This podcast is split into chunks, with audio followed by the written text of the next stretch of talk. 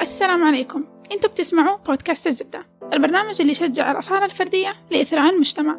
نتحاور فيه مع ضيوفنا ونخرج لكم بزبدة خبراتهم ونلخصها في زبدة الزبدة.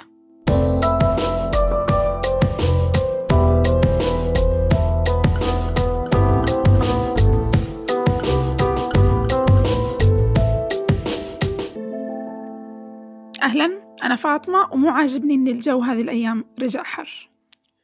أهلا أنا عبد الله. أنا عكس فاطمة تماما. من كتر ما الجو عاجبني أنا صرت أنام في البراري والصحاري والشوارع والمخططات الفاضية. أوه. أهلا. أنا محمد وعندي أشياء جديدة كثير ومن كثرها أنا ما عارف إيش صراحة اللي ينقال وإيش اللي ما ينقال وإيش اللي يتخبى وإيش اللي يستنى الشهر الجاي ينقال. يعني ف- الحلقة دي محمد هو أكثر واحد حي يعني يقول كلام كثير صراحة. جدا. شو هو أنا من الحلقة اللي فاتت قلت إنه أنا تخرجت من الجامعة. يا سلام. حلو.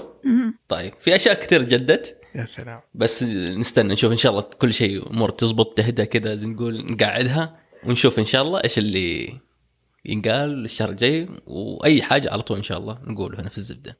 أكيد. فطوم إيش جديدك؟ قاعدة أحاول أفكر إيش جديدي. أنا للأسف ما عندي جديد. أوه.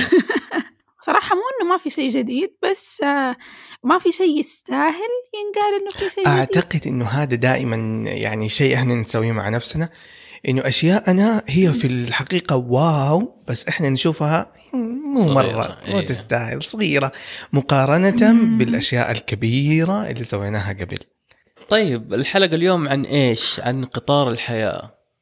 فاطمة أنت فين متوجهة؟ على أي قطار بتركب إن شاء الله؟ أم أنا كلمتكم في الحلقة الماضية وقلت ادعي لي لما أنت قلت إنك تخرجت قلت. عقبالي أتمنى إني أتخرج. أيوة. قريب يا رب هذا الجديد. إن شاء الله لا إن شاء الله آه، للأسف إني لعبت شوية في بداية سنواتي الدراسية وخربت الجدول حقي آه. فأشياء كان لازم أخذها في البداية تركتها وأشياء كان لازم أخذها في النهاية أخذتها في البداية. أكيد إنه في بداية دراستك ما لقيتي. ما لقيتي واحد قال لك آه لما تخبصي ستدفعين الثمن غاليا. صراحة كلهم كانوا يقولوا لي خذي إرشاد أكاديمي بس بما إن نظام الجامعة عندنا إنه اللي تقدر تأخذه حيكون مفتوح اللي ما تقدر تأخذه حيكون مقفل. فطنشت الموضوع صراحة. والآن باقي لي خمسة مواد بتخرج قلت يس أقدر أخلصها في ترمين. ورحت طلعتي لا. الإرشاد الأكاديمي قالت لي المرشدة ترى الخمسة المواد كل واحدة زي السلم كل واحدة لازم تاخذيها قبل ماي الثانية جاد وما تقدر تاخذيها في ترم واحد لا واحدة ورا الثانية لا لازم لازم تاخذها. أخذها بخمسة ترام والله مرة كثير صراحة مرة كثير عبد الله أنت خلصت الجامعة؟ أيوه أيوه بعد كم سنة خلصتها؟ آه. أحس في غصة في القلب. أي والله طولت؟ هو أنا ما طولت عشان آه، في خطأ أو لخبطة. الحمد لله من نعمة الله عز وجل أنا طولت عشان أنا درست كثير. أوكي. أتوقع أنا يمكن أكثركم حكون لأنه خلصت الجامعة بعد الثانوي بثمانية آه سنوات هذا. غير إنك أنت دارس آه، أكثر ودارس في أكثر من بلد كمان. أنا دارس في أكثر من بلد ودرست في أكثر من مدينة. يعني أول شيء طبعا خلصت لغة. آه. سنة. بعدين تحضيري اللي هو تحضير الجامعات في أمريكا نفسها. سنة ثانية. بعد كده درست ثلاث- سنوات في جامعة في أمريكا. صاروا أربعة. صاروا كم؟ خمسة. سنة وسنة وثلاثة. خمسة. okay خمسة. ورجعت عبد العزيز جامعة الملك عبد العزيز. okay. هذه ثلاث سنين ونص كمان هنا في جامعة الملك عبد العزيز. خمسة زائد ثلاثة ونص ثمانية ونص. ثمانية ونص في تخصص واحد أو في هو تخصص واحد. درجة واحدة هندسة علمية. كهربائية. اللي هو تقريبا أتوقع إنه من أصعب التخصصات. آه طبعاً. لا يعني زي ما يقول التخصص كان يعني مش ما تأخرت عشان صعوبته تأخرت عشان ظروف ثانية كثير لكن صعوبته زي ما تقول اللي خلتني إنه ثمانية سنين ونص كلها كانت صعبة. أخذت صيفيات تقريبا كل صيف. آه، الدراسه كانت تقريبا دائما فل لود دائما الوضع كان مشحون ومضغوط لدرجة إنه في فترة اللي هي كانت آه، ما بعد السنة الخامسة كنت دائما أفكر بيني وبين نفسي اللي هو طبعا أنا كان ممكن دحين من الأساس ما طلعت أمريكا وبدات في جامعة الملك عبد العزيز مرة واحدة وكان دحين قدني متخرج كان دحين قدني أدور على وظيفة وخلصت وتوظفت وقدني أستلم راتب وكل شيء. بس دائما يا أخي يجي في بالي اللي هو يا أخي ما تدري يمكن رزقك يجيك أصلا كذا ولا كذا. صح. عام 2021 فأنت لو تخرجت 2020 ولو تخرجت 2016 ولا 17 هي نفسها. بدل ما تستنى في البيت استنى في الجامعة. أعتقد المشترك بيننا كلنا هو. يمكن بالنسبة للأشخاص المعتادين خلصنا فترة الدراسة الجامعية نفسها في وقت أطول من الناس ال- المعتادين. نعم نعم صحيح صحيح. أتفق معك. آه، ولا واحد فينا تأخر بسبب تعثر دراسي يعني. كلنا تأخرنا لأسباب شخصية لأسباب آه، ول- ولا كانت، تنسي كمان إنه إحنا كنا ندرس ونشتغل. مم. ونجمع ونحوش وندفع ونتطوع ونسوي كل شيء كله في وقت واحد. بالضبط هذا يمكن أنتوا الاثنين أكثر في أكثر مني. وأعتقد كمان لو فكرنا بالموضوع بالنسبة لي أنا لو فكرت بالمدة اللي جلست فيها أدرس ترى لين الحين ما تخرجت. أنا تخرجت من الثانوي في 2014 أم وقت ما تخرجت كان عمري 16 سنة. وأفتكر إنه كانوا يقولوا لي أوه أنت اللي بتتخرجي من الجامعة وأنت عمرك 20 يا 21 الله. كانوا الشباب يسألوني أنت كيف كنت آه، توازن بين الدراسة في أكثر من مكان. وكذا وكيف تنزل الساعات؟ أنا طريقة تنزيلي للجدول كانت مرة غريبة جدا. كنت أطالع جدول الاختبارات وأنزل الاختبارات بالترتيب. يعني أنا كنت أختبر شهر كامل ورا بعض. بدون أي توقف وبدون أي شيء. فكنت أنزل المادة من أي مستوى بس إنه يجيني في اليوم اللي أنا حاطه. أنا ما كنت أنظر لا إلى مستوى ولا لأي شيء. كنت أنظر إلى ترتيب الأيام بحيث ما يكون عندي تعارض إلا صار في يوم إني اختبرت أربع مواد للأسف. أوه أربع مواد في يوم واحد؟ لا، لا. إحنا لو طالب وفي مدينتين. إحنا لو طالب جاء اختبارين زي ما يقول يومين ورا بعض يتصل على الدكتور دكتور عندي اختبارين في يومين ورا بعض ما يمديني. أحس أقدر أقول يعني من غير مكابرة الاختبارات صارت لعبتي. هم. لا أنا بالعكس أنا مهما اختبرت في حياتي مستحيل تكون اختبارات لعبتي. أنا والله صرت أفتقد ل- ل- لشعور الخوف والرهبة للاختبارات. أيوه. يا أخي مشكلة. ما عاد أخاف منها بس مستحيل أسوي كويس فيها لدرجة إنه في دكاترة أي أي يجي قدامي أقسم بالله في واحد قاعد يدمع يقول لي أقسم بالله حرام اللي قاعد تسويه في نفسك. اللي هو أنت فاهم مرة كويس بس حرام تخبص في الاختبارات. لكن بالنسبة لي الاختبارات مستحيل ابدا إني أسوي أي شيء كويس فيها. أنا يعني الحمد لله إنه ما أخاف وأسوي كويس. آه okay. ما أشيل الموضوع لا أحسن يعني مني. الحمد أيوه أحسن أي مني. أحسن. لا أنا بالنسبة لي الاختبارات يعني قاعد قعدت احتفل صراحة في آخر اختبار أخذته. آخر يوم حرفيا كذا رحت ألعب طائر مع الشباب وتكلمت مع كل أحد يعني سويت كل شيء في الحياة. احتفالا إنه هذا آخر اختبار آخذه في حياتي إن شاء الله. تحس جزء من حياتك كده خلاص الباب اتقفل وما. حيجيك بالضبط. الواحد فعلا ما يصدق يخلص. أيوه لأنه دائما زي ما- آه، أوكي أنا أعرف إنه دائما في أحد لازم يكون مسؤول عنك أو مثلا في لك مدير في الشغل وله اللي- يعني ليه اليد العليا عليك. لكن أحس في الجامعة شوي الموضوع يكون صعب جدا. لأنه ما تقدر عارفة اللي هو في سنين كتير أنت راحت عليك. يعني ما ما كنت تستلم راتب مثلا إنه خلاص تقدر تخرج تروح مكان تاني أفضل. أنت حتى اللي راح الشغل اللي سويته طول السنين بالنسبة لك حيكون راح هباء منثورا. يعني زي نقول تقريبا شبه دمرت حياتك وقتها. إنه أنت دحين عمرك يصير 24 25 وما عندك شهادة في يدك. أعتقد أنت توصل إلى مرحلة إنه ما يمديك تأخذ قرار إلا هذا القرار. أنا عندي هذه أعتبرها من السنن الكونية. بغض النظر عن الديانة وعن أي شيء آخر أنت إذا سرت في مجال معين أو طريق معين وسلكت وبذلت كل الجهد والله حتوصل. يعني زي محمد الآن ما شاء الله بذل كل ال- ال- الأشياء الممكنة إنه يصير ويتخرج ويفتك من الجامعة وصار. رغم الصعاب رغم الثمانية سنوات ونص اللي ضاعوا من عمره ما ضاعوا بصراحة وهو تعلم فيها وجزاه الله خير. عنده صار خبرة ثمانية سنوات ونص فنوصل كلنا. التخطيط التخطيط هو اللي يوصلك بشكل أسرع وأفضل. تعلموا مني. فاطمة مثال محلول قدامكم تتعلموا منه. بالنسبة لي okay أنا كنت كده في البداية بس بعدين وصلت لمرحلة اللي هو مو شرط توصل الوجهة اللي أنت تبغاها لكن حتوصل وجهة كويسة اللي المفروض أنت كان توصلها. مو لازم أنت تو- توصل قدام ال headquarter في الكورنيش بس إنك وصلت الكورنيش. okay. بس مثلا أنا أقول لك بالنسبة لي أنا كنت في أمريكا وأدرس وخلاص إنه بتخرج وكل شيء ولما أرجع حكون في المكان الفلاني و و و و. طيب صار ظرف وما قدرت أكمل. رجعت جدة. كملت في جامعة الملك عبد العزيز. بالنسبة لي كنت زعلان وقتها إنه في أشياء كتير وأحلام وطموحات كلها انتهت وراحت وكل شيء. بس لما جيت أجي أفكر فيها اليوم وأشوف إيش اللي صار أكتشف إنه لا أنا كان أفضل بالنسبة لي إني رحت أمريكا الخمس سنين.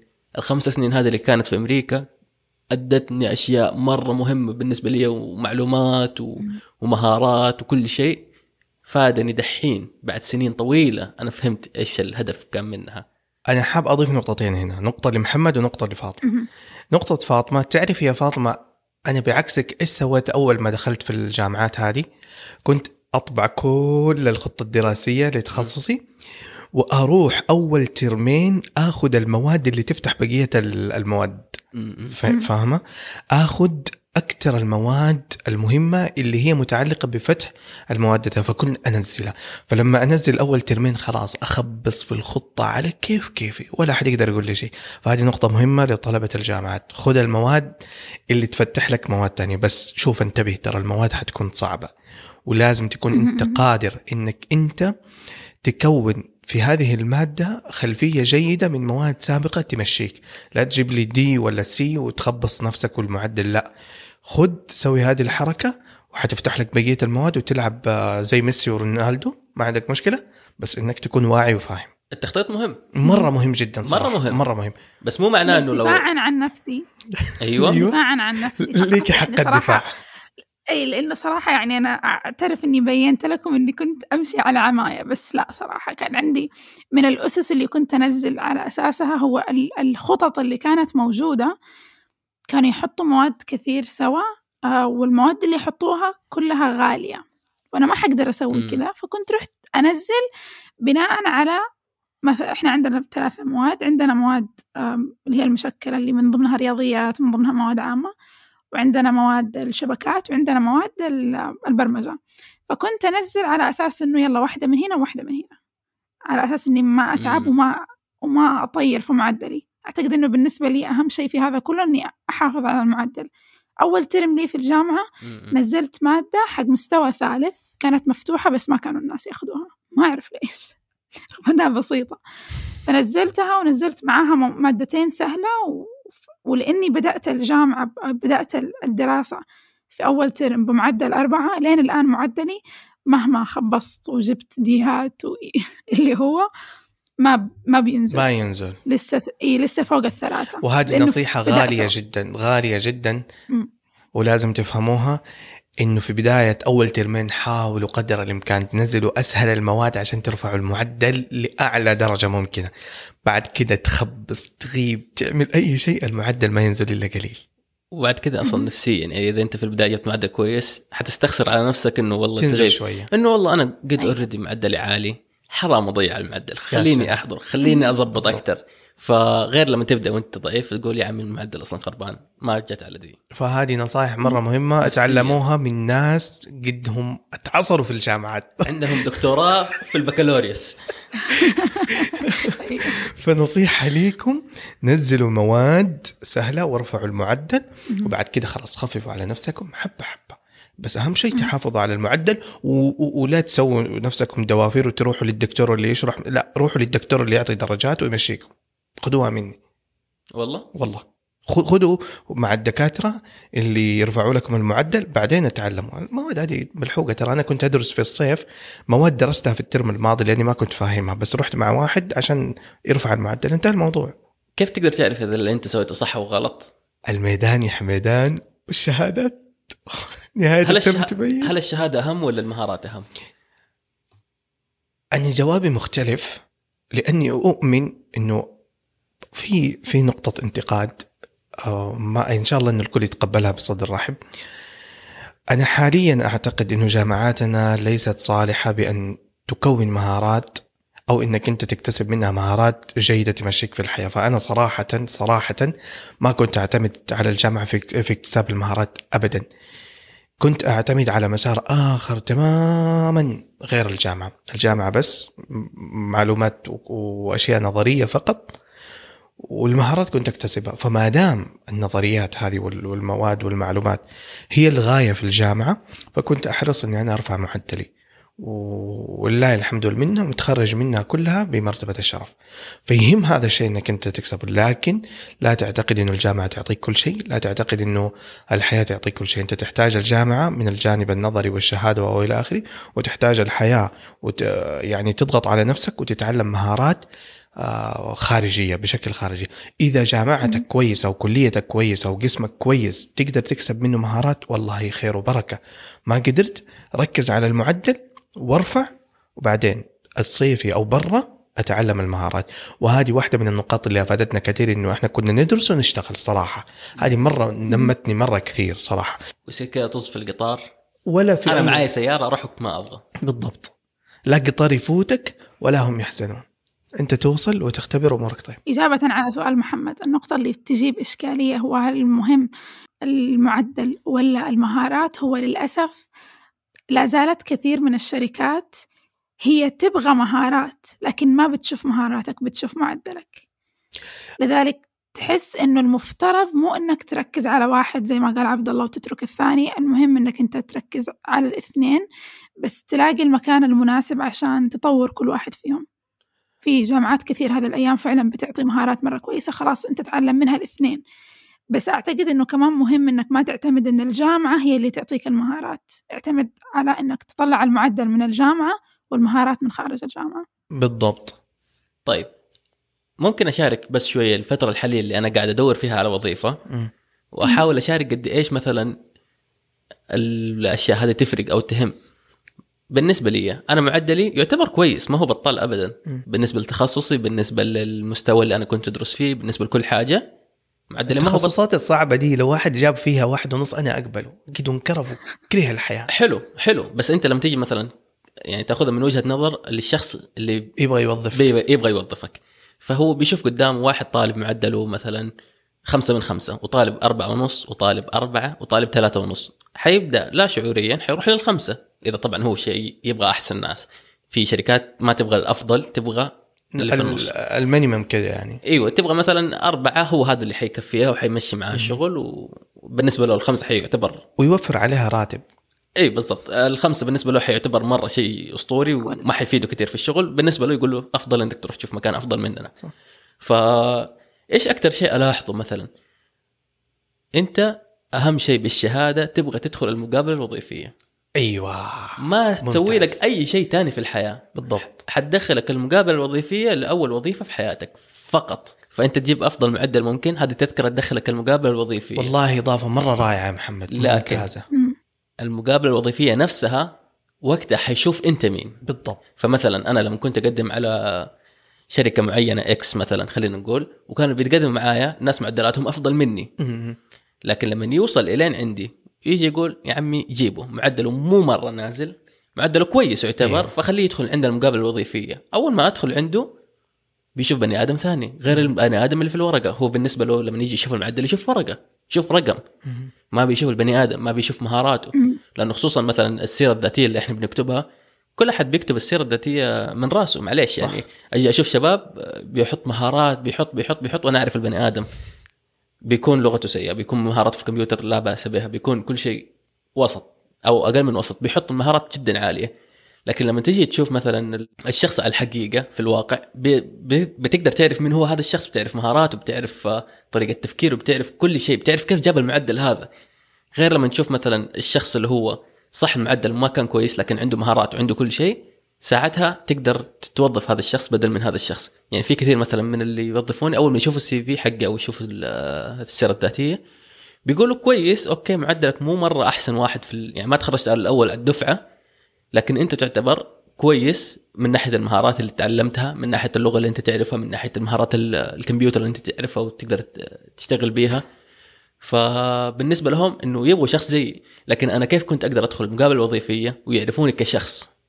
كمحمد كالمهارات اللي أعرفها كلها كالتجربة ثمانية سنين ونص هذه وحتى قبل من أيام الثانوي لما بدأت فعلا أتعلم هذه الأشياء كلها كيف حيعرفوها؟ من خلال الورقه أنا أضيف لازم على- تجيب الورقة عشان تدخل بعدين أنت لازم تجيب كل المهارات حقتك تبنيها وتبني عقلك من الصفر عشان وقتها فعلا تأخذ الوظيفة. لكن لو بنيت المعدل بدون أي مهارات حطيتها أو عليه بنيت المهارة بدون أي معدل تصير عندك فأنت مشكلة. رحت فيها. صح. فأنت لازم تبني المعدل وتبني المهارة. أنا أضيف على محمد لأنه أنا يعني أعتقد عشان كنت أشتغل في إدارات تنفيذية عندي خبرة إن شاء الله جيدة في هذا. أضيف أنا مثلا أنا كمدير تنفيذي لشركة لما يترشح لي في منصب معين الناس أبغى أقابلهم أو يتقدموا لي كثير أنا عندي أساسا في الموارد البشرية يعملوا فلترة معينة. بالضبط. الموارد البشرية عندي يعمل فلترة كالآتي. أول شيء مثلا يحط معيار أو معايير معينة للاختيار. أول شيء معيار المعدل. أعمل فرز إنه اللي جاب أربعة أصفهم في مكان.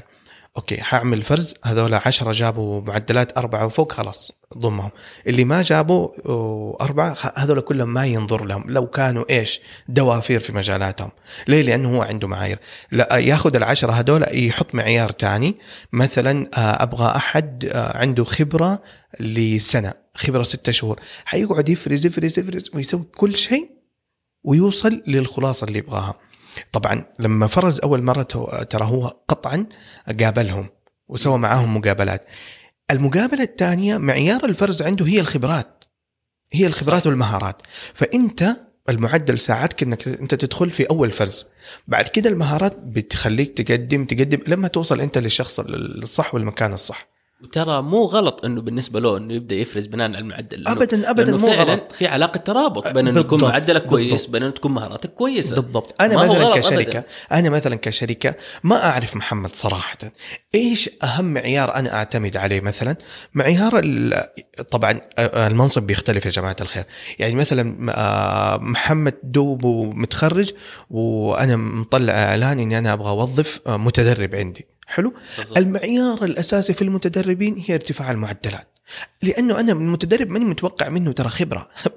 ولا مهارات عالية أنا متوقع منه معدل كويس. وأعرف من المعدل إنه هذا إنسان كريف. معلش إنسان كريف. أنا بواحد يشتغل من 8 الصباح لين 8 المساء. بالضبط. بالمقابل لما أجي أبغى أعين مدير تنفيذي مدير إقليمي لا أنا الشهادات هنا مش مهمة بصراحة. يهمني كم سنة خبرة كيف سمعته في السوق كيف إدارته للعمليات المشتركة للعمليات الخاصة بالشركة وكيف الرجال آه، في تنمية الشركات والى آخره. فالمنصب بيفرق معك فأنت كطالب دحين معدلك. وعشان كده انت بعد ما تتوظف أول وظيفة انت خلاص تبدأ تنسى الشهادة. انسى. ما عاد ما عاد هي اللي حتدخلك الوظيفة الثانية والثالثة وما حترقيك. حتبدأ بعدين أشياء تانية هي اللي حتكون أهم بالنسبة لك أو بالنسبة للشغل إنهم يوظفوا بناء عليها. فأنت بس هذه بالنسبة لك تعتبر تذكرة لأول وظيفة فقط. لأنه أنا ك HR أول ما أشوف إنه هذا كان من خبراته السابقة إنه يتوظف في شركة ثانية سابقة حنسى كل شيء حنسى الشهادة حقيمه على خبرته ما حيسألك أصلا عن أيوه الشهادة. دي خلاص مفروغ منها. أنت عندك شهادة عشان كده توظفت عند قبلي. بالضبط. فأنا أجي أستلمك دحين أبغى أقول يا فلان كيف خبرتك؟ كيف أدائك في الشركة؟ إيش عملت؟ إيش ما عملت؟ فلازم كل هذه النقاط ناخذها بعين الاعتبار. أنا قاعدة أفكر بكل المقابلات الوظيفية اللي أنا سويتها اللي هي اثنين. وقاعدة أفكر كمان. تعرف بس أنا حسيت سويت عشر مقابلات. على فكرة يعني ترى مو عيب أنا آه، سويت مقابلتين في حياتي كلها ولله الحمد والمنة توظفت فيها كلها. حلو. وصراحة المقابلتين اللي سويتهم ما توظفت فيهم. آه كلهم عشان أنا سحبت في الأخير. بتكلم بجدية الآن. آه ما عليكم من المزح حق أول كله بتكلم بجدية الآن. آه اللي تعلمته من المقابلتين اللي دخلتها المقابلتين كلها دخلتها بشهادة الثانوي. آه كانت بعد سنة من, من ما تخرجت لما رجعت من برا. اللي قدرت ألاحظه إنه آه المقابلة الأولى اللي دخلتها وكانت الخانة حقي حق المعلومات الأكاديمية آخر شيء. ترى سويتها بالعنية خليت آخر شيء. حطيت قبلها الخبرات والأشياء الطوعية والدورات وآخر شيء كانت الشهادة. مشت بشكل أفضل من اللي أنا حطيت فيها معلومات الأكاديمية أول. فأتفق معاكم في جانب إنه فعلا الشيء المهم بشأن المعدل هو إنه بيدخلك المقابلة وبعدين أنت بمهاراتك توريهم.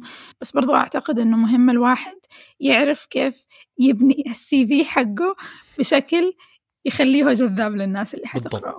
بما إنه هو الوجه الواجهة حقك. هذا هذه النقطة اللي كنت أبغى أنوه عليها يا فاطمة إنه في بناء السيرة الذاتية أنا صراحة ما قدمت في أماكن كثيرة لكن عندي خبرة فيها لأني أخذت دورات كيف تكتب سيرتك و- وإلى آخره مع إني ما. كتبت سيرة ذاتية لنفسي ولا واحدة إلى الآن.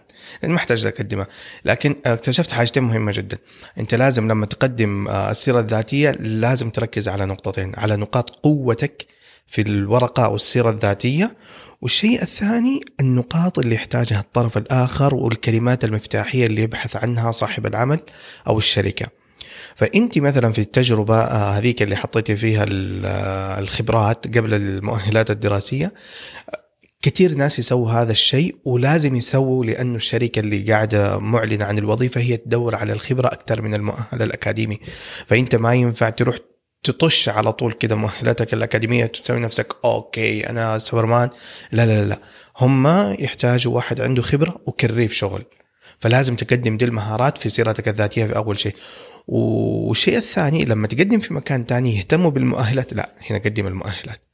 يعني مثلا يعني كل وظيفة لها سيرة ذاتية مختلفة تماما مرة منفصلة تماما ما لها أي علاقة. والله يا جماعة الخير إنه لازم حتى تغير في بياناتك الشخصية وتعدل ترتيبها. يعني أنا أذكر آه، في- في واحدة من الشركات اللي كنا ماسكينها منزلين إعلان لمنصب معين يعتبر من المناصب القيادية حاطين فيه آه، عمر معين. وفي واحد ذكي قدم وما ذكر العمر رقم قال مواليد كذا وسكت. صح. سكت. طب أنت لما تجيك 600 سي في ما فيك هل تحسب بالضبط. 94 خلاص يا خذوا يا شيخ حطوا هاتوا. فهو حط رقم. وفي واحد هو ما كذب. ما كذب ابدا. أيوه بس إنه. عرضها بشكل مرة تكذب. ممتاز. لا تكذب بس إنك أنت اعرض في سيرتك الذاتيه بشكل ذكي جدا. واحد تاني ما حط بيانات شخصية ابدا. كتب اسمه وايميل ورقم وصلى الله على نبينا محمد. وخلانا إحنا نشتاق نعرف عنه. وسوسنا زيادة. وضربنا في إنه حط مهارات كويسة وخبرات كويسة. ما فكرنا لا في شهادات ولا شيء. وقتها ما عاد تفرق معك هل هو تجاوز العمر بسنتين. آه، ما تفرق معك كثير. هو بس بيحط لك عمر يحاول عشان إنه هذا المنصب يتطلب عمر معين صراحة. بالضبط. لازم نؤمن إنه المناصب القيادية لازم يكون لها عمر معين. لا لشيء. ممكن تلاقي واحد عمره 18 عنده مهارة وكويس يصلح لهذا المنصب بس أنت ما تبغى تحطه لأنه الزمن حيعلمه شيء أكثر من اللي هو تعلمه. ما, ما. تبغى يتعلم على رأسك. الله ينور عليك. هو ده. لأنه العمر يساعد إنه الإنسان يكون راكد هادئ يكتسب من الحياة. هذه الأشياء ترى إحنا ما نقدر نوصفها بدقة لكن مع الحياة والعمر والتجارب تكتشف إنه العمر بيعمل فارق معك. فمثلا لما توظف واحد في الرئاسة التنفيذية مثلا واحد عمره 40 بيفرق معاك لما يجيني يجيك واحد زيي لسه في العشرينيات. يا عمي إيش؟ عنده مهارة ما عندي مشكلة. بس خبرته في الحياة 20 سنة هذه بتعمل معك فارق كبير مرة كبير. صح وفعلا هذه أنا جربتها شخصيا بنفسي. مسكت إدارة فريق أول مرة لما كان عمري 19 تقريبا. وقتها كان عندي المهارة اللازمة إني أنا أعلم بس ما. كانت عندي المهارة اللازمة إني أقود. يا سلام. وما عندك مهارة كيف تتعاملي مع الناس هذول الكمية الم-. المهوله هذه.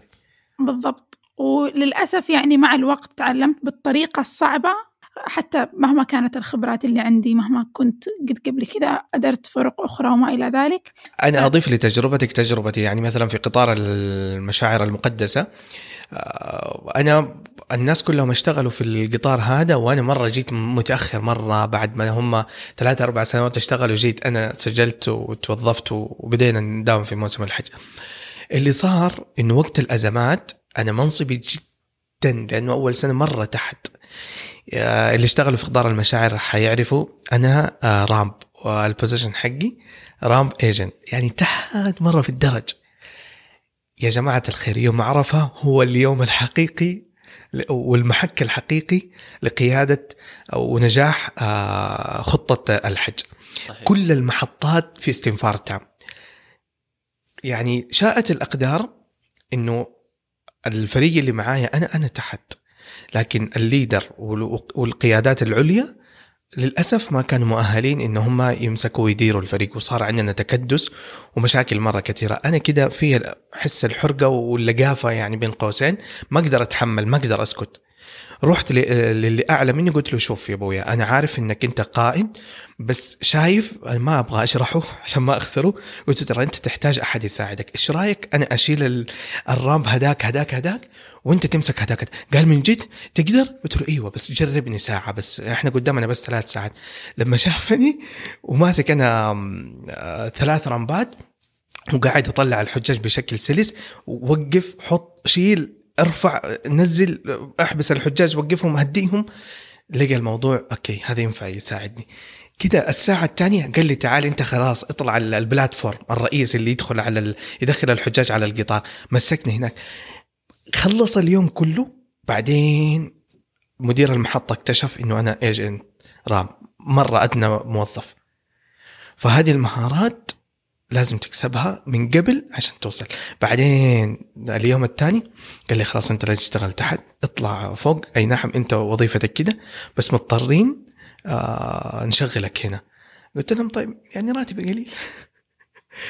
قالوا والله إيش نسوي؟ انت سجلوك كده. آه بس أنا فرحت صراحة لأنه هذا يزيدني في التجربة. فصرت كل موسم صرت معروف عند ال leaders لأنه أنا قاعد أترقى حبة حبة. بعد ال- ال ramp تطلع ال platform فلما رحت ال platform اللي فوقي يعرفوني أساسا أوه هذا اللي سوى فيه هذا اللي قاعد يطلع كل شوية أيوه هذا جيبوه جيبوه جيبوه فصرت أنا أطلع فوق فوق فوق حبة حبة صراحة.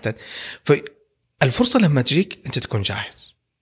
لازم تكون جاهز. ومهم انك أي نعم، أنت- إنك كمان من وقت بدري تبدأ تطور مهاراتك عشان إحنا صح ان إحنا تكلمنا على إن العمر مهم بس مو معناه إنك تقعد في مكانك وتستنى لين يجي عمرك وتقول أوه يلا أنا جاهز نقطة مرة لكن- مهمة أنا نسيت أضيفها ذكرتيني هي يا فاطمة إنه أنا كيف كنت مستعد تعرفي بإيش كنت مستعد؟ ليش كنت مستعد بالرحلات المدرسية اللي كنت أسويها كنت كيف كل يعني؟ يوم. ربوع يوم كل يوم ربوع أيام ما كانت ال- نهاية الأسبوع يوم الأربعاء كنت أنا بعد المدرسة العصرية نتواعد كلنا نطلع رحلة قريبة من الحارة والمدرسة. فكنت آخذ آه، طلاب على مجموعات صغيرة يعني إحنا نطلع عشرة وأنا القائد حقهم أوديهم نسوي رحلة ونرجع. خلصنا ال- الابتدائية طلعنا شوية كده متوسط صرت أنا أشيل معايا عدد أكبر. وأيام الاختبارات بعد الاختبارات نروح نفطر, في مطعم نحجزه بالكامل بيجيك 40 طالب. آه، يفطر عندك في المطعم أنت حتكون في حوزة. مين اللي جايبهم؟ والله عبد الله. أوكي شكرا صاروا يحبوني يجيب لهم زباين. وأنا أساسا بقود الناس هذول أوديهم أنسق لهم السيارات وهو إلى آخره. بعدين طلعنا فوق شوية صرت أشيل معايا 200 طالب. أنا الكل في الكل ومتحمل كل شيء من تنسيق السيارات وترتيب العشاء وإلى آخره. هذا صراحة كسبني مهارات مرة كثيرة. كنت أغلط بس إني كنت أتعلم الحلاقة على رؤوس الأيتام. ما أخفيكم. بالمقابل كنت أبذل جهد ويعني ما أقصر في شيء. حاول قدر الإمكان الرحلة تكون كويسة وأتفادى المخاطر وإلى آخره. هذا الشيء هو اللي آه، خلاني أكون جاهز إنه توكل إلي مهمة وأقدر أشيلها. دحين أنا فهمت إيش قصدك أنت وفاطمة لما تقولوا دائما اشتغلوا من عمر مبكر من من, والله من. وأنت في الجامعة والله ضروري جدا. وحتى ضروري. دحين قاعد أسمع منكم إنه حتى من الثانوي أنتم قاعدين تشتغلوا أنا ما أبغى. أصدمك يا محمد من قبل وأنا ثالث ابتدائي كنت أشتغل وأبيع وأشتري في الشارع أمورنا طيبة ومكروفي. تعلمك مرة بدري للأمانة أول وظيفة أنا مسكتها كشغل كانت وأنا ثالث متوسط. بس قبلها في الصيفيات كان دائما الناس يقولوا لماما ليش تخليهم يروحوا يدرسوا في الصيف خليهم ينبسطوا في الصيف. من وأنا في الابتدائي. بس ماما كانت دائما في الصيف تخلينا ناخذ دورات لغة وكذا في في المعاهد. فرغم أنه كان مرة وقت قصير من الصيفية يعني إحنا عندنا صيفية كاملة ناخذ فيها ساعة أو ساعتين بس باليوم نتعلم فيها لغة. لكن هذا السبب اللي خلاني بعدين لما أدخل الثانوي آه، اللغة الإنجليزية عندنا اختيارية في آخر كم سنة في الثانوي إنه ما أضطر أخذها وأخذ مواد ثانية تنمي مهاراتي. وإنه بعدين لما تخرجت. الجامعة في الوقت اللي الكل كانوا يأخذوا فيه تحضيري سنة أحيانا أكثر من سنة عشان يأخذوا إنجليزي كان قدرت أتجاوزها كلها مرة واحدة. فالناس مرة كثير أحس الآن ما هم مستوعبين قد إيش مهم الواحد من هو في المدرسة يبدأ يبني مهاراته. لأنه فعلا أنت حتختصر وقت مرة طويل لو بنيتها خلال أيام سنوات دراستك أنت في كل الأحوال قاعد تدرس في المدرسة طبعا غير الجامعة تقدر تقول إن يومك كله دراسة وأنت في المدرسة. فعادي إنك تضيف أنا شيء أبغى أضيف- تفضل. أنا أبغى أضيف عليها تجربة حقيقية حصلت معايا الآن. آه لك أن تتخيل يا فاطمة ولك أن تتخيل محمد إنه عندنا في يعني والله مصيبة كبيرة إنه الطلبة ما يعرفوا مهارات استخدام برامج الأوفيس. إلا بعد ما. يتخرجوا. هذه مصيبة بالنسبة لي أنا. واحد دق علي من أصحابي من أعز أصحابي اتصل علي يقول لي أنا رفضوني من الوظيفة عشان ما يعرف يستخدم الجهاز الكمبيوتر. حتى لو معدلك خمسة من خمسة؟ ما يغنيك. ابدا. أمم. ابدا. لازم تكسب مهارة ال Word وال PowerPoint وال Excel والإيميل وكل هذه الأشياء. أنا أقول هذا الشيء ليش؟ لأنه أنا ولله الحمد والمنة. تعلمتها لما كنت في المركز الصيفي والدورات الصيفية من وأنا في الابتدائية. كنت أتعلمها. هذا فرق معايا مرة كثير. لما بديت في الميدان وأنزل يا جماعة والله مرة فرق كبير. فأصحابي اللي تخرجوا هذا الترم هذا الترم هذا تخرج هذا الترم ويقول لي أنا أبغى أتعلم Word و Excel دحين. قلت له دحين؟ تبغى تتعلم Excel Word صباح الفل. صباح الفل يا حق. أنت فين؟ أنت مرة بعيد. يا جماعة هذه المهارات لازم تكتسبوها مرة بدري صراحة. أنا عندي ثلاثة نقاط بقولها تع- تعقيبا على الكلام اللي قاله عبد الله. الشيء الأول هو إنه هذه من إيجابيات إنه الدراسة الآن صارت عن طريق المنصة وعن بعد وما إلى ذلك لأنه الآن صاروا غصبا عنهم بيتعلموا يصير الكمبيوتر مألوف بالنسبة لهم أكثر الشيء الثاني أنا لاحظت على دفعتنا حلو. الدفعة اللي خلاص تخرجت قبل ما تبدأ يبدأ هذا الموضوع كله كان أسهل بالنسبة لهم استخدام الجوال ومعتقدين إنه هو هذا اللي حيمشيهم بعكس استخدام الكمبيوتر بينما لما تدخل محل عمل ما حيعطيك جوال ويقول لك اشتغل عليه حيعطيك كمبيوتر ويقول لك اشتغل عليه. ما يرحمك ابدا. والله ما يرحمك. الاثنين شيئين مختلفين تماما. وثالث حاجة كان من الأغلاط الكبيرة اللي بتصير حتى فترة قريبة هو إنه تعليم الحاسب في المدرسة كان مجرد مادة ثانوية يعتبروها لكل شيء ما له داعي. كانوا بيعتبروا مادة زي العلوم أهم من دراسة الكمبيوتر بينما إحنا في جيل أكثر شيء مهم نتعلمه يمكن حتى أكثر من اللغة من مواد اللغة في المدرسة هو الكمبيوتر لأن هذه المهارة اللي حت عليها حيعتمد كل شيء مستقبلا أنت بتتعلمه. كل مهارة تبى تطورها تعتمد على قد إيش أنت كويس في استخدام الكمبيوتر. آه بالنسبة للنقطة اللي أنا يمكن كنا نتكلم عنها قبل شوي اللي هي إنه كنتوا بتشتغلوا من وأنت فاطمة في ثالثه متوسط وأنت عبد الله في ثالثة ابتدائي. في ناس الآن بيقولوا أوه لا هذا ضد حقوق الأطفال إنهم تشغلهم هم في سن الدراسة وما ينفع كيف هم أطفال المفروض يستمتعوا بطفولتهم. وكيف إنه أنت الآن يعني قاعد تستغلهم وقاعد تسوي الأشياء هذه كلها طيب آه أنا حتكلم من شقين الشق ال- القانوني والشق ال- التجربي هذا حلو التجربي. تفضل ال- ضربنا. أوكي. قانونيا يعني هذا ما يعتبر استغلال الطفل ولا هو هضم لحقوقه بالعكس يعني هذا خير كبير الأب والأم يسووه في عيالهم قانونيا هذا ما له أي علاقة ولا ارتباط ولا واحد في المية. إلا إذا كان هذا الطفل يتم استغلاله عن طريق شخص آخر لغرض التربح وتشغيله سخرية. تمام؟ أما إنك أنت من تلقاء نفسك تروح تشتغل عشان تطور نفسك وعشان تبني نفسك وأبوك وأمك يشغلوك عشان آه، تكسب مهارة ابدا. بالعكس هذا شيء مرة ممتاز. وكثير عوائل إحنا نعرف ان هم يشغلوا عيالهم هم في سن مرة صغار. ليه؟ عشان يكسب المهنة ويتوارثها ويكبر. كنت أروح مع أبويا مع خيلاني كلهم. متمرمطين يا عمي. بس إنك تتعلم. إنك تتعلم. ابدا ما له علاقة باستغلال ال- الأطفال. بالعكس شيء كويس. وزي ما قال عبد الله الموضوع مو إن إحنا كنا بنشتغل عشان في أحد غاصبنا على الشغل ويستنى إن إحنا يندفع لنا فلوس ويأخذ مننا الفلوس عشان يتربح منها.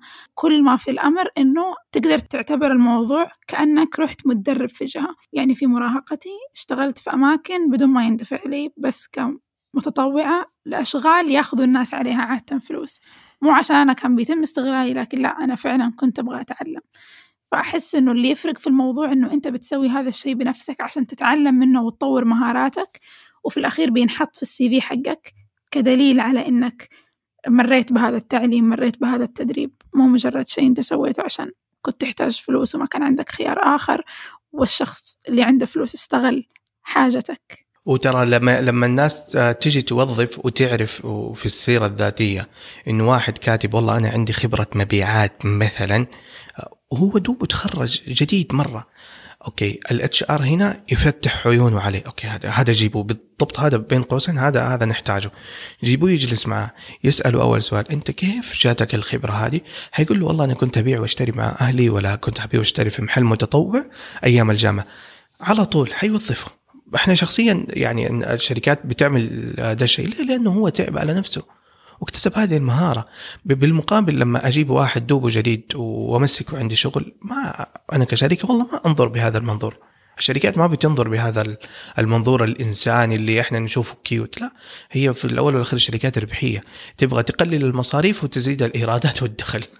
فلما أجيب واحد ما هو متعلم ويبغى يتعلم عندي مو أفضل لي كشركة لما يجيني واحد جاهز. إيوه أبغى أجيب واحد جاهز أو أقلها عنده بأساسيات. طيب ممكن يقول لك أنت دحين تاخذ من وقته إنه هو المفروض طفل يلعب مع أصحابه مع أقرانه ليش تاخذه أنت وتحطه في بيئة الكبار؟ طيب هذا مرة سؤال مهم جدا شكرا إنك سألته.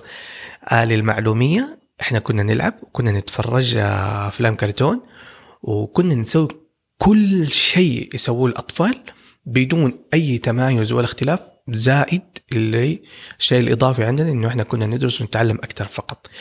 على سبيل المثال أنا مثلا آه، اللي في سني كانوا يتفرجوا أفلام كرتون لكن أنا كنت أتفرج الأخبار والبرامج الحوارية عشان أنا محتاج أتعلم لغة. يعني ابدا. طيب أنا بزيدك كمان من الشعر بيت. يعني ترى مو كل الأطفال يحبوا يتفرجوا مسلسلات الكرتون 24 ساعة. حتى لو يحب ترى خطر هو عليه إنه يكون يلعب هذه الفترة كلها ويتفرج تلفزيون. بالعكس أفضل إنه يسوي إيش يسموها دي حاجات تنميه اكتيفيتيز إنه يتحرك الأنشطة اللي تكون له مهارة. ما ينفع يتفرج تلفزيون طول الوقت ما ينفع يكون يلعب مع أصحابه طول الوقت. واساسا إحنا تعريفنا لمتعه الأطفال ولألعابهم مختلف جدا. بالضبط. لسه بجيك على هذه النقطة بالذات. أنا كنت أسيب كل حاجة واستنى الين ما أبوي مثلا بعد المغرب هو كان الوقت اللي يروح فيه المكتب هذا مثلا الين الساعة 10 الليل. طول الأسبوع لمدة ثلاث سنين أنا كنت لازم أجي مع أروح مع أبويا المكتب وأقعد معه. أوكي صح ما كان أحلى شيء في الحياة أو كل شيء بس لما كنت أروح هناك كنت أستمتع. أقابل ناس كبار أقابل تجار وأصحاب عقارات وأصحاب كل شيء. فبالنسبة لي كان أمتع من إني أتفرج مثلا Dragon Ball ولا أي حاجة ثانية. بالنسبة لي okay أنتم كلكم تعرفوا إن أنا ما أحب الأفلام الكرتون. يمكن ما كانت متعتي ابدا كانت متعتي إني أقابل أشخاص كبار ويجوا يتكلموا بهذه الأشياء وبهذا الأسلوب. فكانت بالنسبة لي زي ال reality TV والتلفزيون الواقع إني أشوف كيف الناس الكبار والتجار يتكلموا أصدمك يا محمد أنا هايدي اتفرجت الفيلم كرتون هذا وأنا في الثانوي. لأنه ما كان عندي وقت إني أتفرج هايدي اللي هي البنت هذه؟ أيوه أيوه. آه okay. وكونان والشله دول كلهم أنا ما تفرجت شيء. أنا والله تفرجت مرة متأخر مرة مرة. أنا وصلت لهذا العالم مرة متأخر لأن كنت مركز في أشياء ثانية فعلا يعني أنا من الناس اللي كنت زيك ترى أتفرج بمقابلات وأخبار وأشوف مثلا وزير المدري إيش لما يطلع في حوار مع تركي الدخيل. تركي الدخيل لما كان يسوي برنامج إضاءات كم كان عمري أنا؟ يوه. 10 سنين و12 سنة. أنا كنت أحب أتفرج المقابلات هذه كلها بعد صلاة الجمعة. هل أنا كنت ماني طفل؟ هل هذا؟ لا بالعكس أنا أستمتع بهذه الأشياء أكثر من إني أتفرج مسلسل كرتون. لما كبرت okay آه، أحب أسوي أشياء ثانية لكن في نفس الوقت مو شرط تكون متعة الأطفال في الألعاب اللي هي بس يقعد يتفرج مثلا على اليوتيوب أو يرسم أو هذا. بالضبط أنا كانت متعتي لما كان أظن الأستاذ الإعلام القدير إذا ما غلط في اسمه طلعت حافظ يمكن أو في كذا اسم كان يسوي برنامج يجيب فيه ناس من الدولة والمسؤولين ويناقش موضوع مرة مهم. أنا هنا هذه تكوتي وروقاني. بالرغم اني أنا ماني فاهم ولا شيء. حرفيا أنا ماني فاهم ولا شيء. فعلا فعلا أحس إنه في الأخير إحنا يختلف تعريف المتعة من طفل لطفل. في طفولتي أنا مثلا كنت أروح أخذ قصدك تعريف. المتعة عند كل أب وأب وأم وأم. اي مو أنا بقول حتى بالنسبة للأطفال لأنه في الأخير بالنسبة للأهل بيقول لك روح ألعب بس الطفل نفسه كيف يلعب يختلف. في طفولتي أنا مثلا كنت أدرس بعد ما أخرج من المدرسة كنا نروح ناخذ حصص إضافية لغة. وبعدين كنت أرجع البيت وألعب PlayStation وكان عندي مجموعة ألعاب فلة كاملة ألعب فيها وكنت أتفرج برامج الكرتون ما فاتني ولا شيء أيامها. يعني كان في وقت بس أحس لسبب ما هذه الأيام بالنسبة لأطفال هذا الجيل وقتهم بيضيع أغلبه على الجوال لدرجة إنه صايرين يحسوا إنه ما في وقت إنهم يمارسوا أشياء أكثر من إن إحنا نلعب خلال يومنا. ما أعرف ليش لكن أنا بشوف بنات عمتي مثلا الصغار ثلاثة منهم وكل واحد فيهم تعريفه للعب مختلف. واحد مرة يحب يقضي وقته وهو قاعد على يوتيوب. واحدة تحب تجلس ترسم وتفتح دورات وتتعلم من نفسها. يعني ما حد قال لها روحي تعلمي وتدربي من نفسك. والثالثة لا تحب تجيب عرايس وتضفر لهم وتسوي شعورهم وكذا كذا كذا. فكل واحد فيهم بيقضي وقته بالطريقة اللي هو يبغاها بس ما يقدر أي واحد يجي من برا يقول هذول ضاعت طفولتهم أو ما استمتعوا أو ما لعبوا. الفكرة إن إحنا عندنا 24 ساعة في كل يوم وعندنا سبع أيام في الأسبوع بس لازم الأهالي يعرفوا إنه يعرفوا يوزعوا أوقات أطفالهم لما الأطفال نفسهم ما يعرفوا يوزعوا أوقاتهم صح. أوه هذا هذه نقطة مرة مهمة جدا. آه لأنه عندي أنا صغار في البيت وقد ربيت آه ثلاثة أربعة تحت إشرافي ومسؤوليتي. فأعرف هذا الموضوع وهذه الأزمة صراحة. يعني مؤلم جدا أنك أنت الآن تشوف مثلا الأطفال والصغار حياتهم منحصرة على الجوال والآيباد والإنترنت. والله يا جماعة هذا أكبر خطر قاعدين بالضبط يعني هذا أسوأ شيء قاعد يصير في هذا العصر إنه الأطفال طفولتهم يا شيخ هذا هو ضياع طفولة الطفل. يضيع في, في هذا أسوأ من إنه يروح يشتغل. م... والله مرة أسوأ بكثير مرة أسوأ بكثير. يشتغل يكسب مهارة مخه يتفتح. أما هنا خلايا المخ كلها قاعدة تنعدم وفكره كله منحصر على هذا الشيء. على حسب التعرض اللي أنت قاعد تتعرض له في طفولتك هو هذا حيكون تفكيرك ومنطقك. أيوه فعلا الأطفال نقدر نفكر فيهم كقالب. ترى فعلا الأهل والأشياء اللي يشوفوها حولهم في بيئتهم هي اللي بتشكلهم. صح إنه أطفال مرة كثير لما يدخلوا المدرسة أو لما كانت المدرسة إنهم يروحوا يحتكوا أتمنى إنه ما يوصل اليوم اللي تصير هذه مجرد ذكرى من الماضي. يا رب ترجع الأمور طبيعية. يا رب. بس في الف... أعرف إنه يفقدوا السيطرة على أطفالهم لأنهم يروحوا يحتكوا ببيئة مختلفة وتأثر عليهم بشكل مرة كبير اللي هي بيئة المدرسة. أنت ما تعرف الأطفال اللي هناك من أي بيئات جايين وإيش التجارب اللي عندهم وكيف حيأثروا على طفلك. بس أكثر شيء يأثر على الطفل في مرحلة نموه هو الأشياء اللي بيشوفها في البيت. المثال اللي أهله يصنعوه له قدامه عشان يشوف. مو بالضرورة يكون هذا الشيء ثابت لكن كثير من الأطفال يحبوا الأشياء اللي يشوفوا أهلهم سووها وحبوها واستمتعوا فيها. فمفروض أن الأهل يعطوا شوية اهتمام أكثر في تربية الأطفال. يعني يعرفوا أن كل شيء صغير بيسووه لهم هم صغار حينعكس عليهم لما يكبروا حيأثر فيهم فعلا. أحس أنه هذه الأيام كثيرين من الآباء والأمهات خلاص يعني يعطوهم الجوال في يدهم وخلاص سوي اللي تبغاه ويتركوهم بدون ما يكون في رقابة على هذا هذا اسمه يا فاطمة إنه هذا بين قوسين يعني هروب الأب والأم من مسؤولية تربية الطفل. مم. أنت ترى يا جماعة لما تصير أب وأم مش مسؤوليتك منحصر إنك توفر له مأكل ومشرب ومسكن، لا لا لا لا, لا ابدا، دي يا حبيبي متوفرة وجاهزة موجودة. وما بيموت جوع لا تخاف. بالضبط. أنت أهم نقطة لازم توفرها للطفل بجانب الأشياء اللوجستية هذه والاحتياجات الأساسية إنك توفر له عقل سليم وتفكير صحيح وعلم ومهارة وبيئة. هذه مهمة جدا جدا جدا. الأيباد ما حيحل المشكلة. أنا ما بعمل مقارنة بالأجيال وإنه إحنا أفضل لا لا لا لا, لا, لا. يا أبوي المعايير واضحة.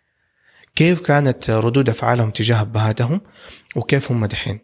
كل ده ناتج عن التسيب من المسؤولية والهروب من تربية الأطفال بالشكل الصحيح.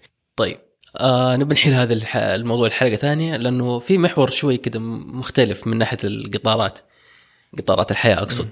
اللي هو ترى إحنا قاعدين نهرج والموضوع كان عن قطارات ودخلنا في 600 قطار ونفق إحنا ما إحنا دارين. يا سلام. ففي قطار المشاعر. وفي قط... وفي القطار اللي هو فيه قطار الزواج. متى الواحد يكون متأخر عن الزواج؟ متى الواحد يكون بيتزوج بدري؟ أنا أحب أسمع وجهة نظر فاطمة وبعدين أبغى أضيف. صراحة يعني أنا من الناس وجهة نظري للزواج هي نفس وجهة نظري للخلفة هي نفس وجهة نظري للتربية والأمور اللي تحتاج مسؤولية على مستوى طويل. أعتقد إنه من أكبر أغلاطنا كمجتمع هو إننا حصرنا الزواج في عمر معين بس عشان نحصر الخلفة في عمر معين. للأسف الشديد إنه ارتفاع نسبة الطلاق في أيامنا هذه هو بسبب هذه الفكرة وبتنشأ أجيال ما هي متماسكة ما هي كويسة ما هي صحيحة لأنه الناس من البداية ما هم ما هم مستوعبين إنه هذه مسؤولية طويلة المدى ومفروض ما تنحصر في عمر معين مفروض إنها تن- تنحصر في قدرة الشخص قديش أنت جاهز للزواج قد- قديش أنت مستعد إنك تمسك مسؤولية زواج ومسؤولية إنك تكون مستعد لكل شيء ناتج عن هذا الأمر. بس يمكن أكون متحيزة. شوفي أنا أتفق معاكي صراحة آه، في كل اللي ذكرتيه وأضيف إنه اولا يا أخي ما في قطار بيفوت. في قطار فات في قطار تاني بيجي تقدر تلحقه. آه، يعني آه، على قولهم تكت ايزي يعني ما هي آخر الدنيا. الشيء الثاني إيش فائدة القطار تركبه بدري وإنت ما تعرف كيف تنزل؟ وما تعرف آه، في أي محطة حتنزل وإذا نزلت إيش الأكل اللي تاخده عشان تكمل بقية الرحلة. كل هذه الأشياء إذا ما تعرفها إيش فائدة إنك تركب القطار؟ يا عمي انه أنت القطار يفوتك. وما أنت عارف أساسا هل هذا القطار اللي أنت مفروض تأخذه هل هذا القطار اللي لو أنت أخذته حتكون مبسوط؟ بالضبط هو هذا هو هذا. على كل المستويات سواء الزواج سواء علاقة صداقة سواء علاقة حب سواء عمل أيا كان في الحياة. كل هذا يستلزم إنك أنت تكون عندك آه، دراية كافية ومعرفة ولو بسيطة وأساسية إنك أنت آه، تقدر تاخذ قرار صح، كيف تاخذ قرار صح؟ تكسب مهارات، تقرأ في الموضوع، أنا أحس إنه في النهاية صعب يعني بالنسبة لكلامي أنا وبالنسبة لإضافتك صح أنا مستوعبة إنه صعب إن إحنا نقول هذه الأفكار بشكل مثالي كما هي في راسنا لأنه في الأخير إحنا ناس بنتأثر بالضغط المجتمعي وبنتأثر بكلام بالضبط. الناس يعني مثلا. معلش يا فاطمة إحنا مجتمعات شرقية.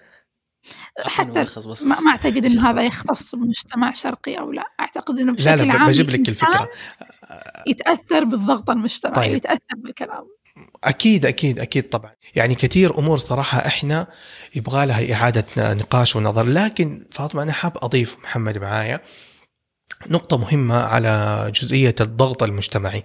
يعني شاعت في المجتمعات الشرقية مثلا أو المجتمعات حقتنا إحنا إنه مثلا سن الزواج يكون مبكر شويتين. أنا مش ضد الفكرة لما كانت موجودة قديما. أنا مؤيد. ليش؟ لأنه البيئة والأمور والحياة كانت تساعد. لكن حاليا مرة لا. مرة لا يا جماعة الخير.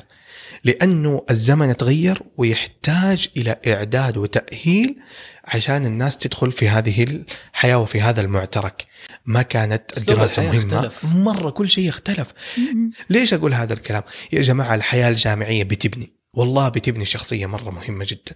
بتعيشوا كرف عمر أهله ما عاشوا. كل هذا الضغط يعيشوا جو تخليه يتحمل مسؤولية بعدين لما أنا ما أقول إنه هذا أفضل شيء نسويه لكن هذا يساعد بشكل ما إنه نحل المشكلة. وأيضا إنه إحنا صراحة ما بنثقف يعني هذا ما هو شرط مطلق. في ناس نعم، صحيح. وكذا وما يقدروا بس الفكرة هي إيه؟ هل أنت مستعد لتحمل هذه المسؤولية أو لا؟ سواء تخرجت من الجامعة أو ما, ما عندك شهادة أو أي هل أنت أي- مؤهل؟ هل أنت مقتنع إنك أنت مؤهل؟ لإنك تأخذ هذه الخطوة؟ هل أنت فعلا مؤهل أو لا؟ آه، أفتكر في الحلقة اللي سوتها روزانا عن الزواج ذكرت برضو أنه مرة مهم أنه قبل أي زواج الطرفين ياخذوا استشارة أنهم استشارة. ياخذوا استشارة للزواج لأنه مرة شيء مهم أنك تكون فاهم مو بس المسؤولية اللي عليك لكن هل أنت قادر أنك تتعامل مع الطرف الآخر؟ أيا كان هذا الطرف الآخر هل أنت مستعد أنك تتنازل عن أشياء بالنسبة لك هي مرة مهمة بس عشان تحافظ على هذا الزواج؟ وما إلى ذلك يعني أحس إنه مرة شيء كبير ويتحم وفيه مسؤولية مرة أكبر. وزي ما أنت قلت الزمن تغير فعلا الزمن تغير المسؤوليات تغيرت الإنسان نفسه تغير بين اليوم وبين أمس. فما نقدر نقول أوه يعني فلان أنا أذكر يعني أنا. مثالين على السريع يا فاطمة آه، في هذا الجانب.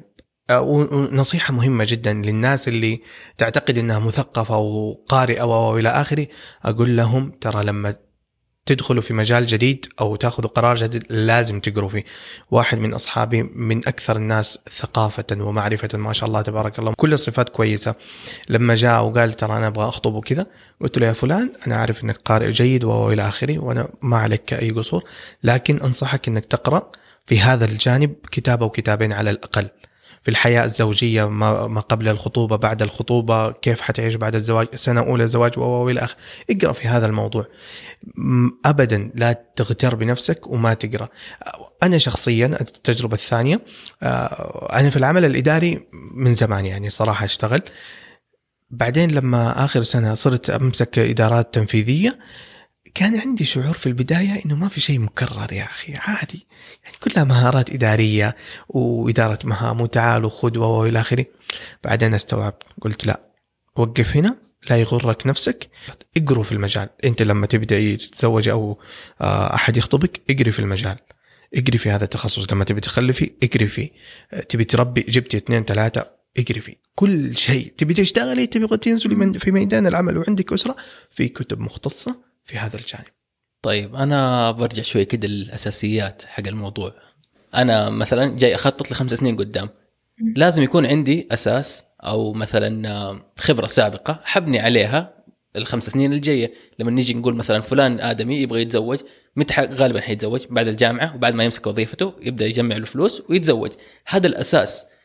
ولكن في ناس لما نحن نقول إنه لا ما في شيء اسمه قطار الحياة هذا واحد ممكن يتزوج بدري واحد ممكن يتزوج مرة متأخر.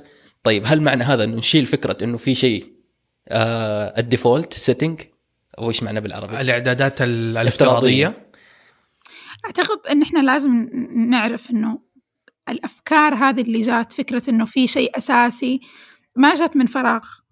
هي في لها أساس جت عليه. يعني الآن نحن بنقول زي ما أنت قلت إنه مثلا على الزواج تتزوج لما تخلص الجامعة وتمسك وظيفة وتجمع فلوس جات على أساس إنه مهم إن الواحد يكون ناضج عمريا والمثال هنا هو. تخرجه من الجامعة وقادر ماديا والمثال هنا إنه آه، يشتغل وعنده فلوس. موظف هذه الم... إيوه هذه المعلومتين إيوه هذه المعلومتين ما هي غلط وهي فعلا صحيحة أغلب الوقت. لكن الفكرة هنا هي مو إنه غلط إنك مثلا تتزوج وأنت لسه بتدرس أو إنه غلط إنك تتزوج بعد مرة متأخر لا ما هو غلط بس الفكرة إنه آه، هذا أساس أنت حتتعب بدونه. يمكن مو اللي بعدين اللي يتزوج متأخر لكن اللي يتزوج بدري مثلا حيتعب لو ما عنده استقرار مادي حيتعب لو ما عنده استقرار وظيفي. أفكر فيها من من أول قطار إحنا مسكناه اللي هو قطار التعليم. يعني إحنا أخذنا التعليم في سنين طويلة إحنا الثلاثة. طيب هل هذا هو يعني هل نقدر نقول إنه أي أحد حيدرس بالطريقة اللي إحنا درسنا بها وأخذنا سنين طويلة في الدخ... لين تخرجنا؟ هل معنى هذا إنه هو هذا الشيء الصحيح؟ وإنه اللي يتخرج في خمس سنين وأربع سنين اللي هي الخطة ال- الطبيعية اللي موجودة من الجامعة هو هذا إنسان مثلا خطأ؟ لا لا ابدا بالعكس. دائما أقول إنه آه، إحنا وضعنا شوية في استثناء. لكن الأصل آه، في المعايير هذه إنه الإنسان يعتمد آه، أو الإنسان يعتمد المعايير الموجودة حوله. والمعايير الموجودة في بلده مثلا على سبيل المثال. أنت هنا مثلا آه، في السلك التعليمي المفترض عمرك مثلا آه، تسع سنوات أنت مخلص ابتدائي آه، 12 سنة أنت مخلص متوسط و- وإلى آخره. في تسلسل محطوط في الأنظمة المدنية لازم الواحد يمشي عليها. إذا تبغى تصير دافور وبتخلص بدري أهلا وسهلا. تتأخر شوية معقولة.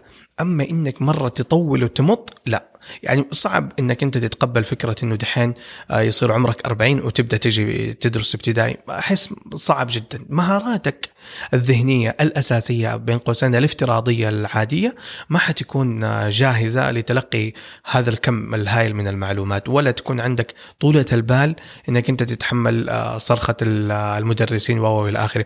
ففعلا في أشياء افتراضات أو أساسيات لازم كلنا نمشي عليها. من ضمنها مثلا أنا عندي آه، الدراسة لازم الواحد يكمل الجامعة. والله لو الدنيا انطبقت على الأرض لازم تكمل الجامعة ولا تستسلم إلا ما تكمل الجامعة. بما أن إحنا ذكرنا انه الزمن تغير والناس تغيرت كمان تأثر الاحتياجات حق الأشخاص. الاحتياجات الدراسية تغيرت. أول كان عادي إنك يكون عندك شهادة ثانوي وتكمل حياتك عادي لكن الآن لا صار مرة مهم إنه يكون عندك شهادة جامعة.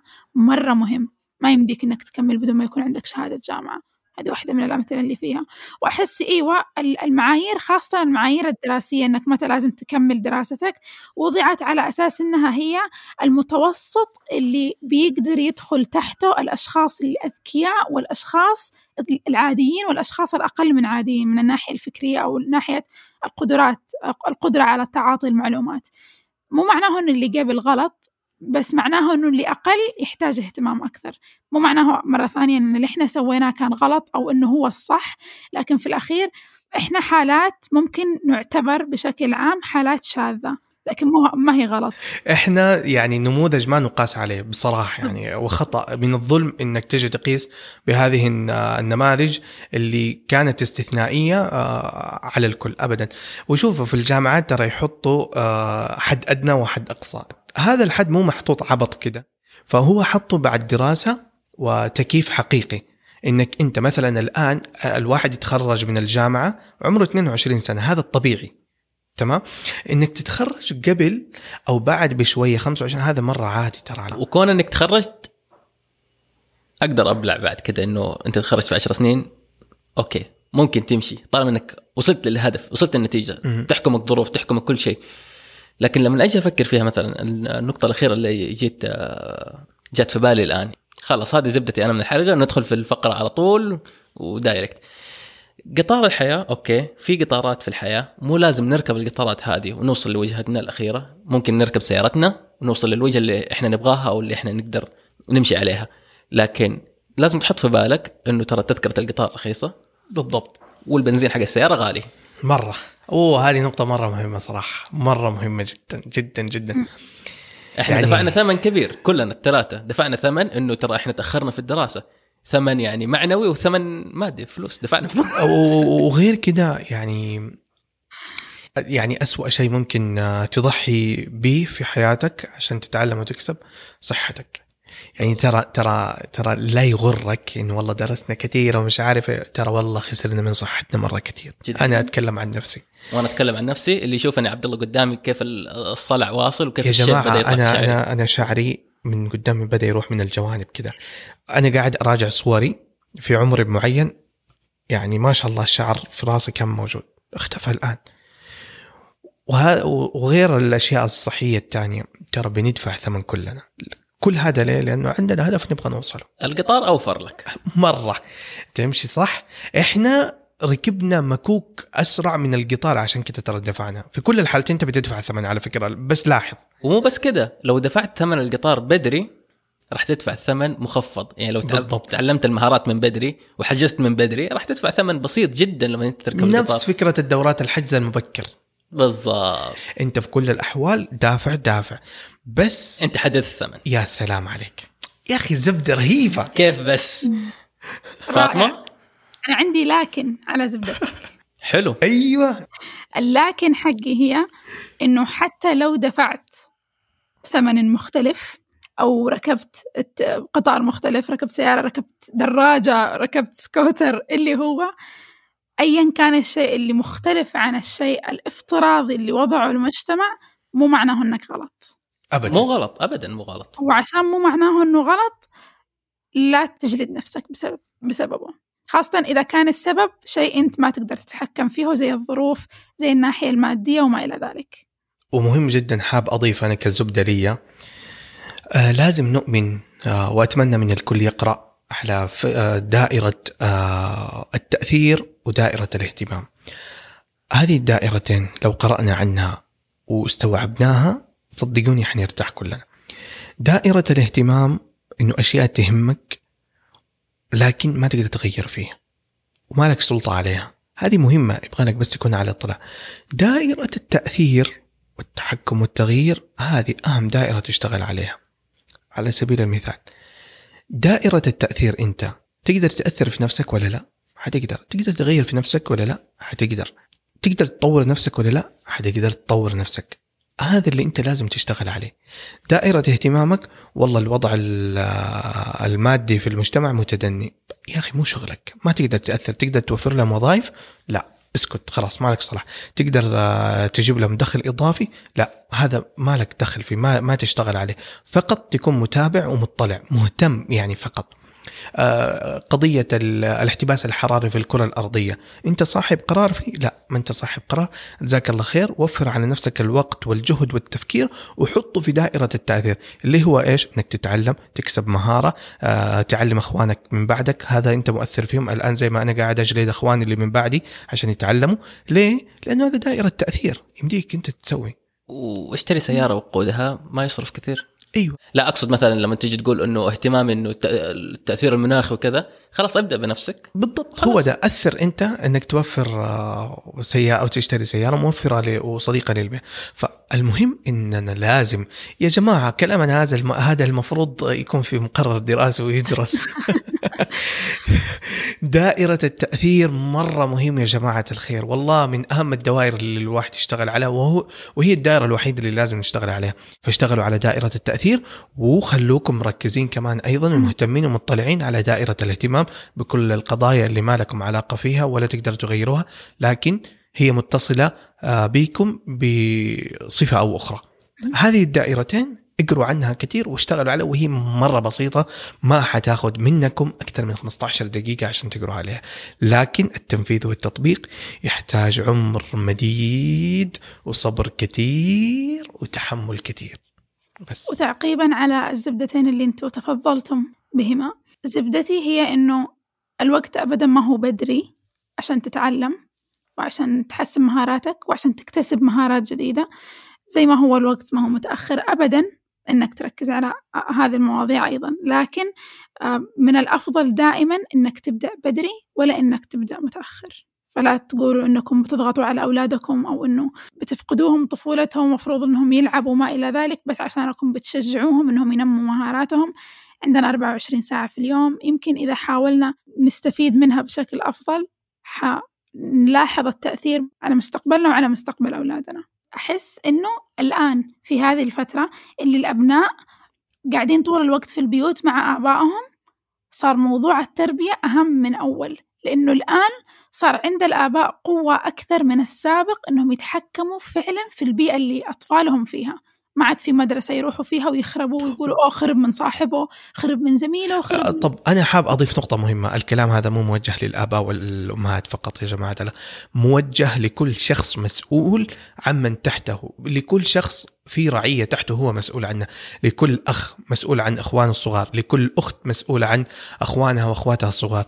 ايا كان عم خال أي أحد مسؤول عن أحد تحته هذا الكلام موجه لك. الناس اللي ما تستوعب بهذه الطريقة أحب أقول لهم ترى اللي تصرفه دحين عليه حتصرف دبله لما يصير كبير وأنت ما علمته أي شيء. فضروري لازم نهتم.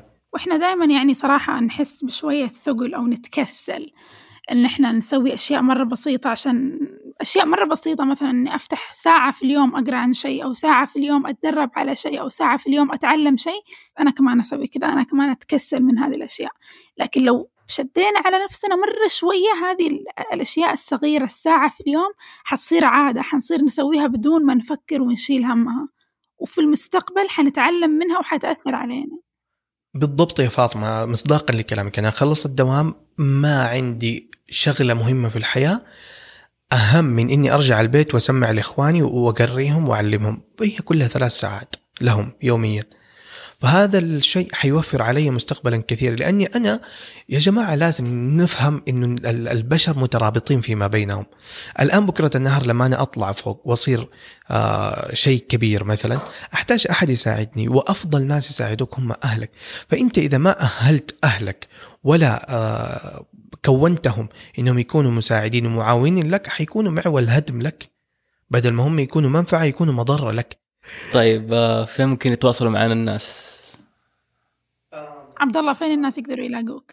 عشان ما يبغوا يدوروا. أنا تلاقوني في كل مكان اتفاد اتما اف اي تي تي اتش اي تي ام اي وفاطمة بما إنها شاركت فإحنا دحين صار ملزم علينا ان نشارك. فأنا مثلا حتلاقوني في كل مكان I عبد الله 38 17 في كل منصات ال social media إن شاء الله. وأنا تلقوني على إنستغرام at mosbasha موس باشا.